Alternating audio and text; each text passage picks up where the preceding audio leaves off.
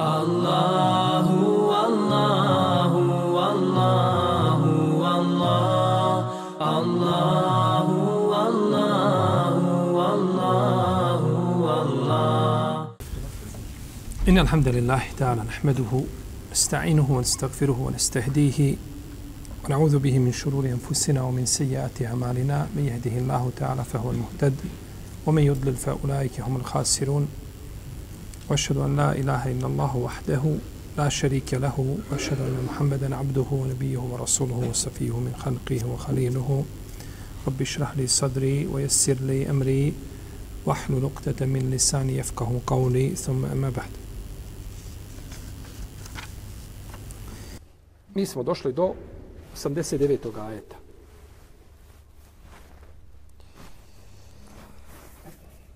Kome uzvišeni Allah zađer kaže ولما جاءهم كتاب من عند الله مصدق لما معهم وكانوا من قبل يستفتحون على الذين كفروا فلما جاءهم ما عرفوا كفروا به فلعنة الله على الكافرين. I kada im je knjiga od Allaha došla, koja priznaje kao istinu knjigu koja im je ranije datel koja je sa njima, a još prije toga su protiv mnogobožaca molili i kada im dođe ono što im je poznato, oni u to ne povjerovaše i neka je i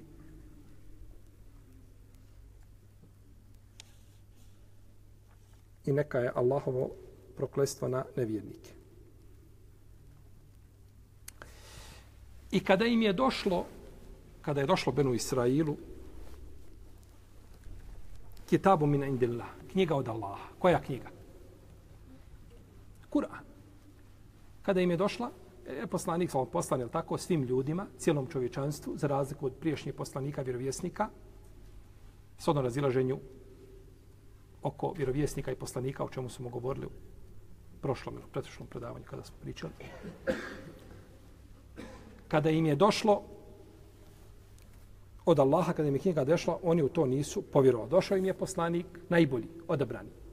Poslanik, ali nije bio od Ishakovog potomstva, nego od Ismailovog. A razlike velike. Poslanici, sinovi poslanika. Da tako? Šta je problem ako dođe poslanik odakle je došao? Došao je poslanik koji je bio od loze Ismailove, a poslanik je odabrao ovaj od sinova Ismailovi Kinanu. A od Kinane je odabrao Kurejš. A od Kurejša je odabrao Benu Hašim, a poslanika je sa odabrao od Benu Hašima.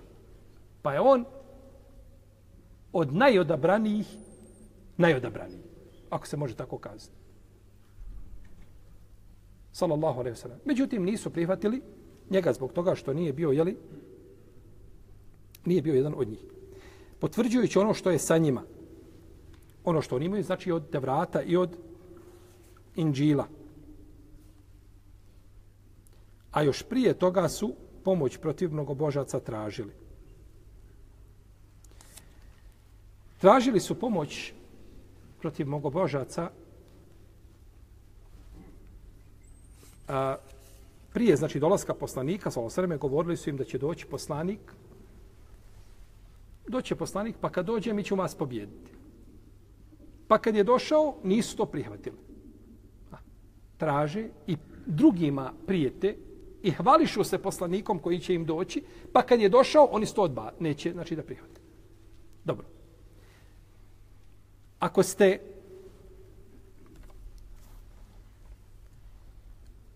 tražili pomoć preko poslanika sa osam i njime se hvalisali, onda njegovo poslanstvo mora biti šta? Ispravno. A ako je njegovo poslanstvo neispravno, onda je neispravno tražiti šta? Pomoć putem njega. I ovo je pitanje na koje nemaju odgovora, kako kaže Ibn Kajim. Na ovo se ne može odgovoriti. Tražiš pomoć i onda negiraš. To je, znači, kontradiktornost. Pa ili si pogriješio pri traženju pomoći, ili si pogriješio pri čemu? Negiranju. Ha. Dvije stvari, dvije gorke stvari, ili kaže se dvije stvari, slađa je gorka. kako god da priznaju, jel tako, oni su pogriješili. Ibnul Kajim u svome dijelu Bedaju al-Fawaid, spomenuli smo ovo dijelo prije toga, smo spomenuli, Bedaju al-Fawaid je dijelo koje je Ibnul Kajim napisao u četiri dijela, napisao ga na putu. Putovao. Na jahalici pisao. Kao što je napisao knjigu Zadul Mad, isto na putu. Sjedio i Bedaju al-Fawaid je knjiga u kojoj je, posla, u kojoj je uh, Ibnul Kajim sakupio razno razne koristi. Ha. Razno razne koristi bez nekakvog poredka i reda, nego sve što mu je na um palo, on je zabilježio dok je bio na jahalici. I tako je knjiga, pa znači spomene nešto i nakon toga zabilježi, a, pa smo iz ove knjige spominjali razlike koje je Ibnul Kajim spomenuo između čega? Kada je rekao, kada je rekao Iblis da je bolji od Adema. Pa smo spominjali razlike koje je spomenuto da je zemlja bolja od vatre. Pa je spomenuo brojne razlike. To smo ovdje pričali, možda prije jednu godinu dana ili tako nešto. Napisao je knjigu Bedaju Ulfeovajd na putu. Nazvao, nazvao je savršene koristi. Divne koristi i tako dalje. Pa je, znači, napisao. U ome svom dijelu je spomenuo deset razloga ili načina kako je odgovorio njima ovdje nakon što su oni pomoć tražili preko poslanika, sa osaname, kako su pogriješili, deset načina. Razvalio, znači u temelju, njihovo razmišljanje i riječi, njihovo odbijanje poslanice Mohameda sallallahu sallam. Međutim, mi ćemo se zadovoljiti time, znači da, da su tražili pomoći, prijetili drugima, pa kada je došao poslanik sa osvrame, da činili ono što čine, što čine i drugi. A nema sumnje da uzvišeni Allah azzawajal pomaže ovaj ummet slabićima. Da ga pomaže slabićima. Jer oni su često imali, uh, jevreji Hajbera su imali problema sa Gatafanom. Pa se sa njima ratovali. Pa kad bi došli, oni bi izgubili borbu. Pa bi onda doveli, Allahu kaže, gospodaru naš, molimo te time što ćeš nam poslati poslanika kojim ćemo da po, pa, pa su i onda pobjeđivali. Pa su im prijetili, kažu, samo da dođe poslanik, nema vas. On će nas povesti i vi ćemo biti. Ja tako. A uzvišeni Allah pomaže ovaj umet slabićima. Kako došlo u hadisku kod imama Nesaju, u njegovom djelu Mučteba sa vjerodostanim lancem prenosilaca, da je poslanik s.a.v. rekao Innema jensurullahu hadi al ummete bidaifiha. Kaže, Allah pomaže ovaj umet sa slabićima bidavatihim wa salahihim e, salatihim wa ihlasihim sa njihovom dovom i njihovim namazima i njihovom iskrenošću. Pomaže znači i zato je poslanik sallallahu kaže dovedite mi slabiće. Dovedite mi slabiće. Dovedite mi koga? Slabiće kaže jer kaže Allah vas obskrbljuje i pomaže sa slabićima ponekad ljudi misle i bogati, i snažni, tijelo se tako, Allah pomogne. Jedno društvo Allah može izmijeniti pomoći zbog male skupine ljudi koji su neprimjetni u društvu, ali njihovo srce veliko kod uzvišenog Allaha. I da svojom dobom promine stanje jednog, jednog naroda.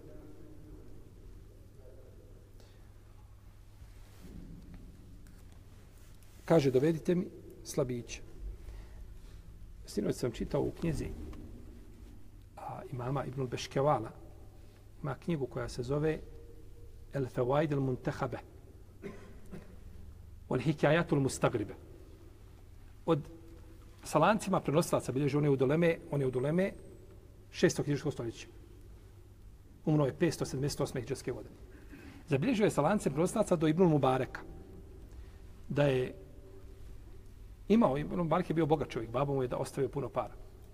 Pa kada je Ibn Mubarek došao pred kraj života, ništa imao nije. Pa je njegov sluga zaplakao. Kaže, o šehu, kaže, ja vidim, kaže, ljude, druge, koliko imaju. Kaže, sjećam se šta si ti imao sada kada vidim da nemaš ništa. Kaže, šuti, šuti. Kaže, ja sam dovio Allahu, kaže, da me poživi kao bogataša i da me usmrti kao siromaha. Allahu ekber razuma. Razuma. Molio sam Allaha da me poživi da uživa. Ali kad umirem, kad mi je najbitnije šta? Jer siromas će ući prije bogataša, od, je tako, od ashaba, 40 godina siromasi od Ensarija će ući i muhađira prije bogatih ljudi. Pa uzvišen je Allah pomaže, pomaže ljude a, sa slabićima.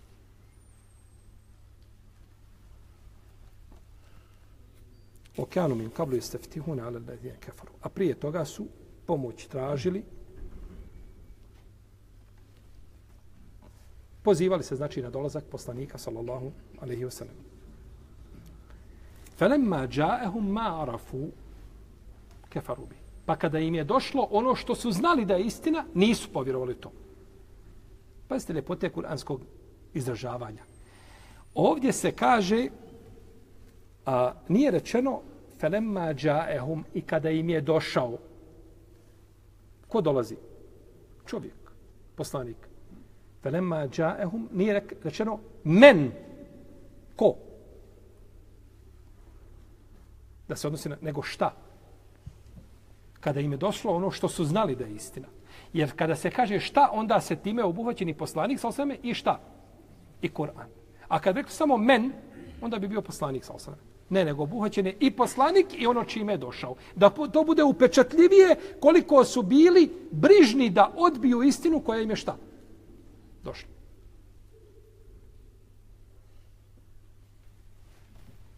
Pa su odbili ono čime je došao poslanik sallallahu alejhi ve sellem.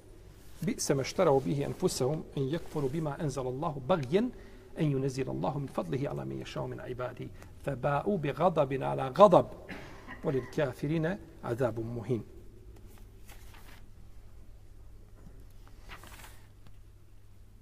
Bi se meštarau, kaže, ružno je, jadno li je to, zašto su se prodali da ne vjeruju ono što je Allah objavio samo iz lobe što Allah od dobrote svoje šalje objavu onome kome želi od svojih robova.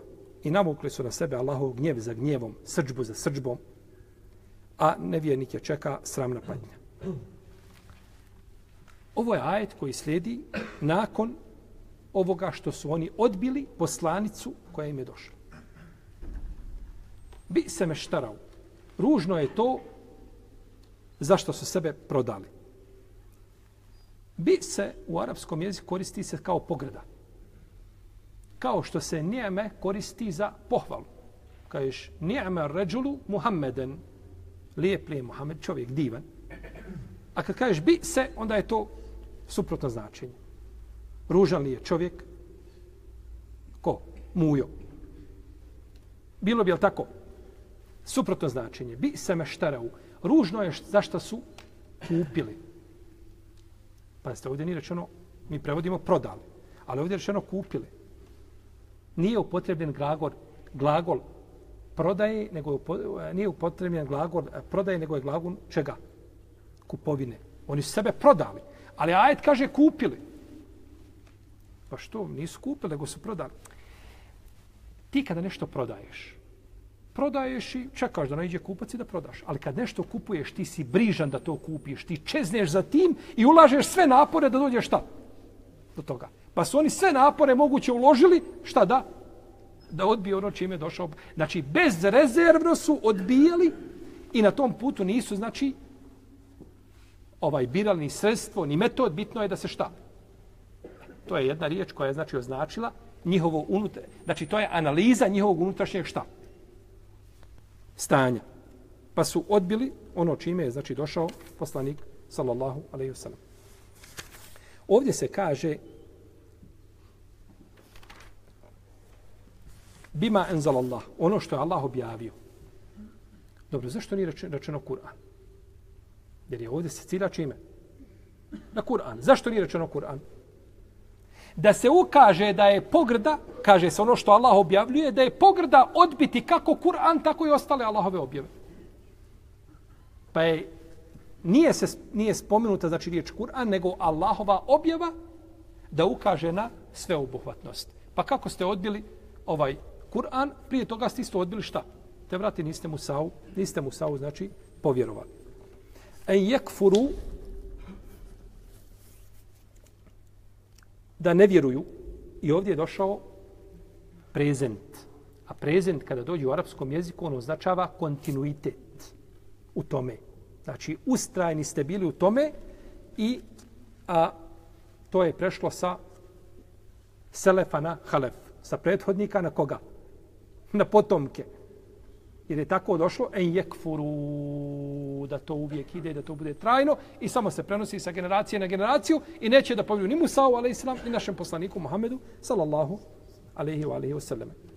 Pa je problem Benu Israila nije bio sa poslanikom Muhammedom, sallallahu alaihi nego je bio problem sa uzvišenim Allahom, ako tako možemo kazati. Oni nisu neprijatelji, nije neprijateljstvo bilo samo prema poslaniku, nego prema uzvišenom stvoritelju Tebarake, o teala. Bagijen iz svoje zlobe i zavisti nisu vjerovali, očekivali su da će biti šta?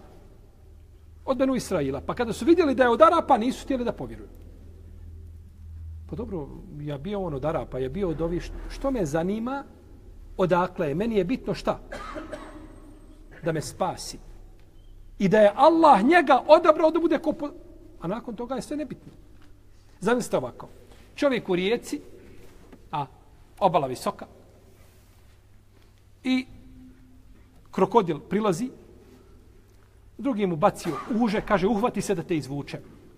A on ga gleda, kaže, ti nisi iz moga naroda. Kaže, nisam. Nema veze uho da te izvučem. Ne, ne, kaže, ja... Ne, ako nisi iz moga naroda, ništa. Ovo krokodil prokuda čovjeka, izgubio život, nije izgubio vjeru. Ti gubiš vjeru ako, ne, ako se ne uhvatiš za to uže. Izgubit ćeš, ne možeš uspjeti nikako. Ne kaže, ja neću. Ili trebaju ljudi da bježe, ne znam. Pokupili se avion i trebaju da bježe. Ulazi neprijatelj, obezglavit ćete, nemate. Bježi. I on pogleda izvana, kaže, a pilot, e, kažu, pa pilot, nije naš pilot domaći. Kaže, nije. Neću, kaže. I neće da. I ljudi u avioni oduše sa stranim pilotom, spase se, on ostane. Ja Allah, pa izgubit ćeš vjeru. Međutim, odbili su i nisu to prihvatili. Feba'u bi gadabin ala gadab, pa su navukli Allahovu srđbu za srđbom. Navukli su Allahovu srđbu za srđbom.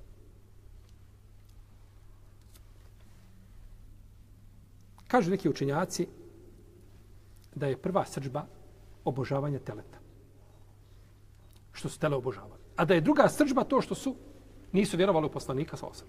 Neki kažu da je prva srđba to što su a, nisu vjerovali u Isa, a druga srđba što nisu vjerovali koga? U poslanika. Neki kažu nisu vjerovali u Inđil, a drugi u Kur'an. Isto je značenje. Je tako? Ili je slično značenje. Uglavnom, navukli su, jeli, Allahu srđbu na sebe. I onda kaže uzvišeni Allah voli kafirine azabum muhin. A nevjernicima pripada sramna patnja. Nije rečeno, nije rečeno njima pripada. Nije rečeno njima pripada. Oni su ovdje izbačeni iz konteksta. Kada se u kontekstu, kada se o nekome govori, i on bude izbačen iz konteksta. To ukazuje na njegovu šta? Bezvrednost, ništavnost. Kao da ne postoji. Ti pričaš o nekome, neko nešto uradio i kažeš neću dozvoliti da se čini tako i tako. Ti spatu spobliso sa njim. Neću dozvoliti, znači njega si zare, kao on je nebitan u svemu tome, on ne vredi spomena, pa si ga izbacio van konteksta. Pa je ovdje rečeno, znači, da svakome ko postupi kao oni što su postupili, da će ga uzvišeni Allah kazni na sudnjem danu. Ljudi se razlikuju, pristupi i načini negiranja i odbacivanja poslanika su različiti, ali je kazna šta? Ista. Kazna je znači za sve ljude u tom jeli pogledu ista. Pa je uzvišeni Allah, azza wa jalla, ovdje nije rekao volehum azabun muhin i njima pripada bolna patnja. Nego je rekao da patnja bolna pripada svakome ko ne povjeruje ono jeli, čime su došli Allahovi poslanici. Feba'u bi gadabin ala gadab. I navukli su gnjev za gnjevom. Kaže autor, ovdje navukli su gnjev za gnjevom, kaže to je Allahova kazna, koja im šta? Pripada. Allahova kazna koja im pripada na sudnjem danu je definitivno onaj ko zove Allahov gnjev i Allahovu srđbu na sebe, da će biti kaže na sudnjem danu. Međutim, ovaj, ovo tumačenje da je Allahova srđba, da je to njegova kazna, ono je problematično. Ali budući da nemamo vremena, to ćemo nastavit ćemo u narednom predavanju, pa ćemo to prije, znači, narednog ajeta, objasnit ćemo a, šta znači Allahova srđba. I razlika između a, Allahovih atributa koji su njemu svojstveni, stalni i onih koji mogu biti kada uzvišenje Allah želi. والله تعالى أعلم. وصلى الله على محمد وعلى آله وصحبه. الله الله.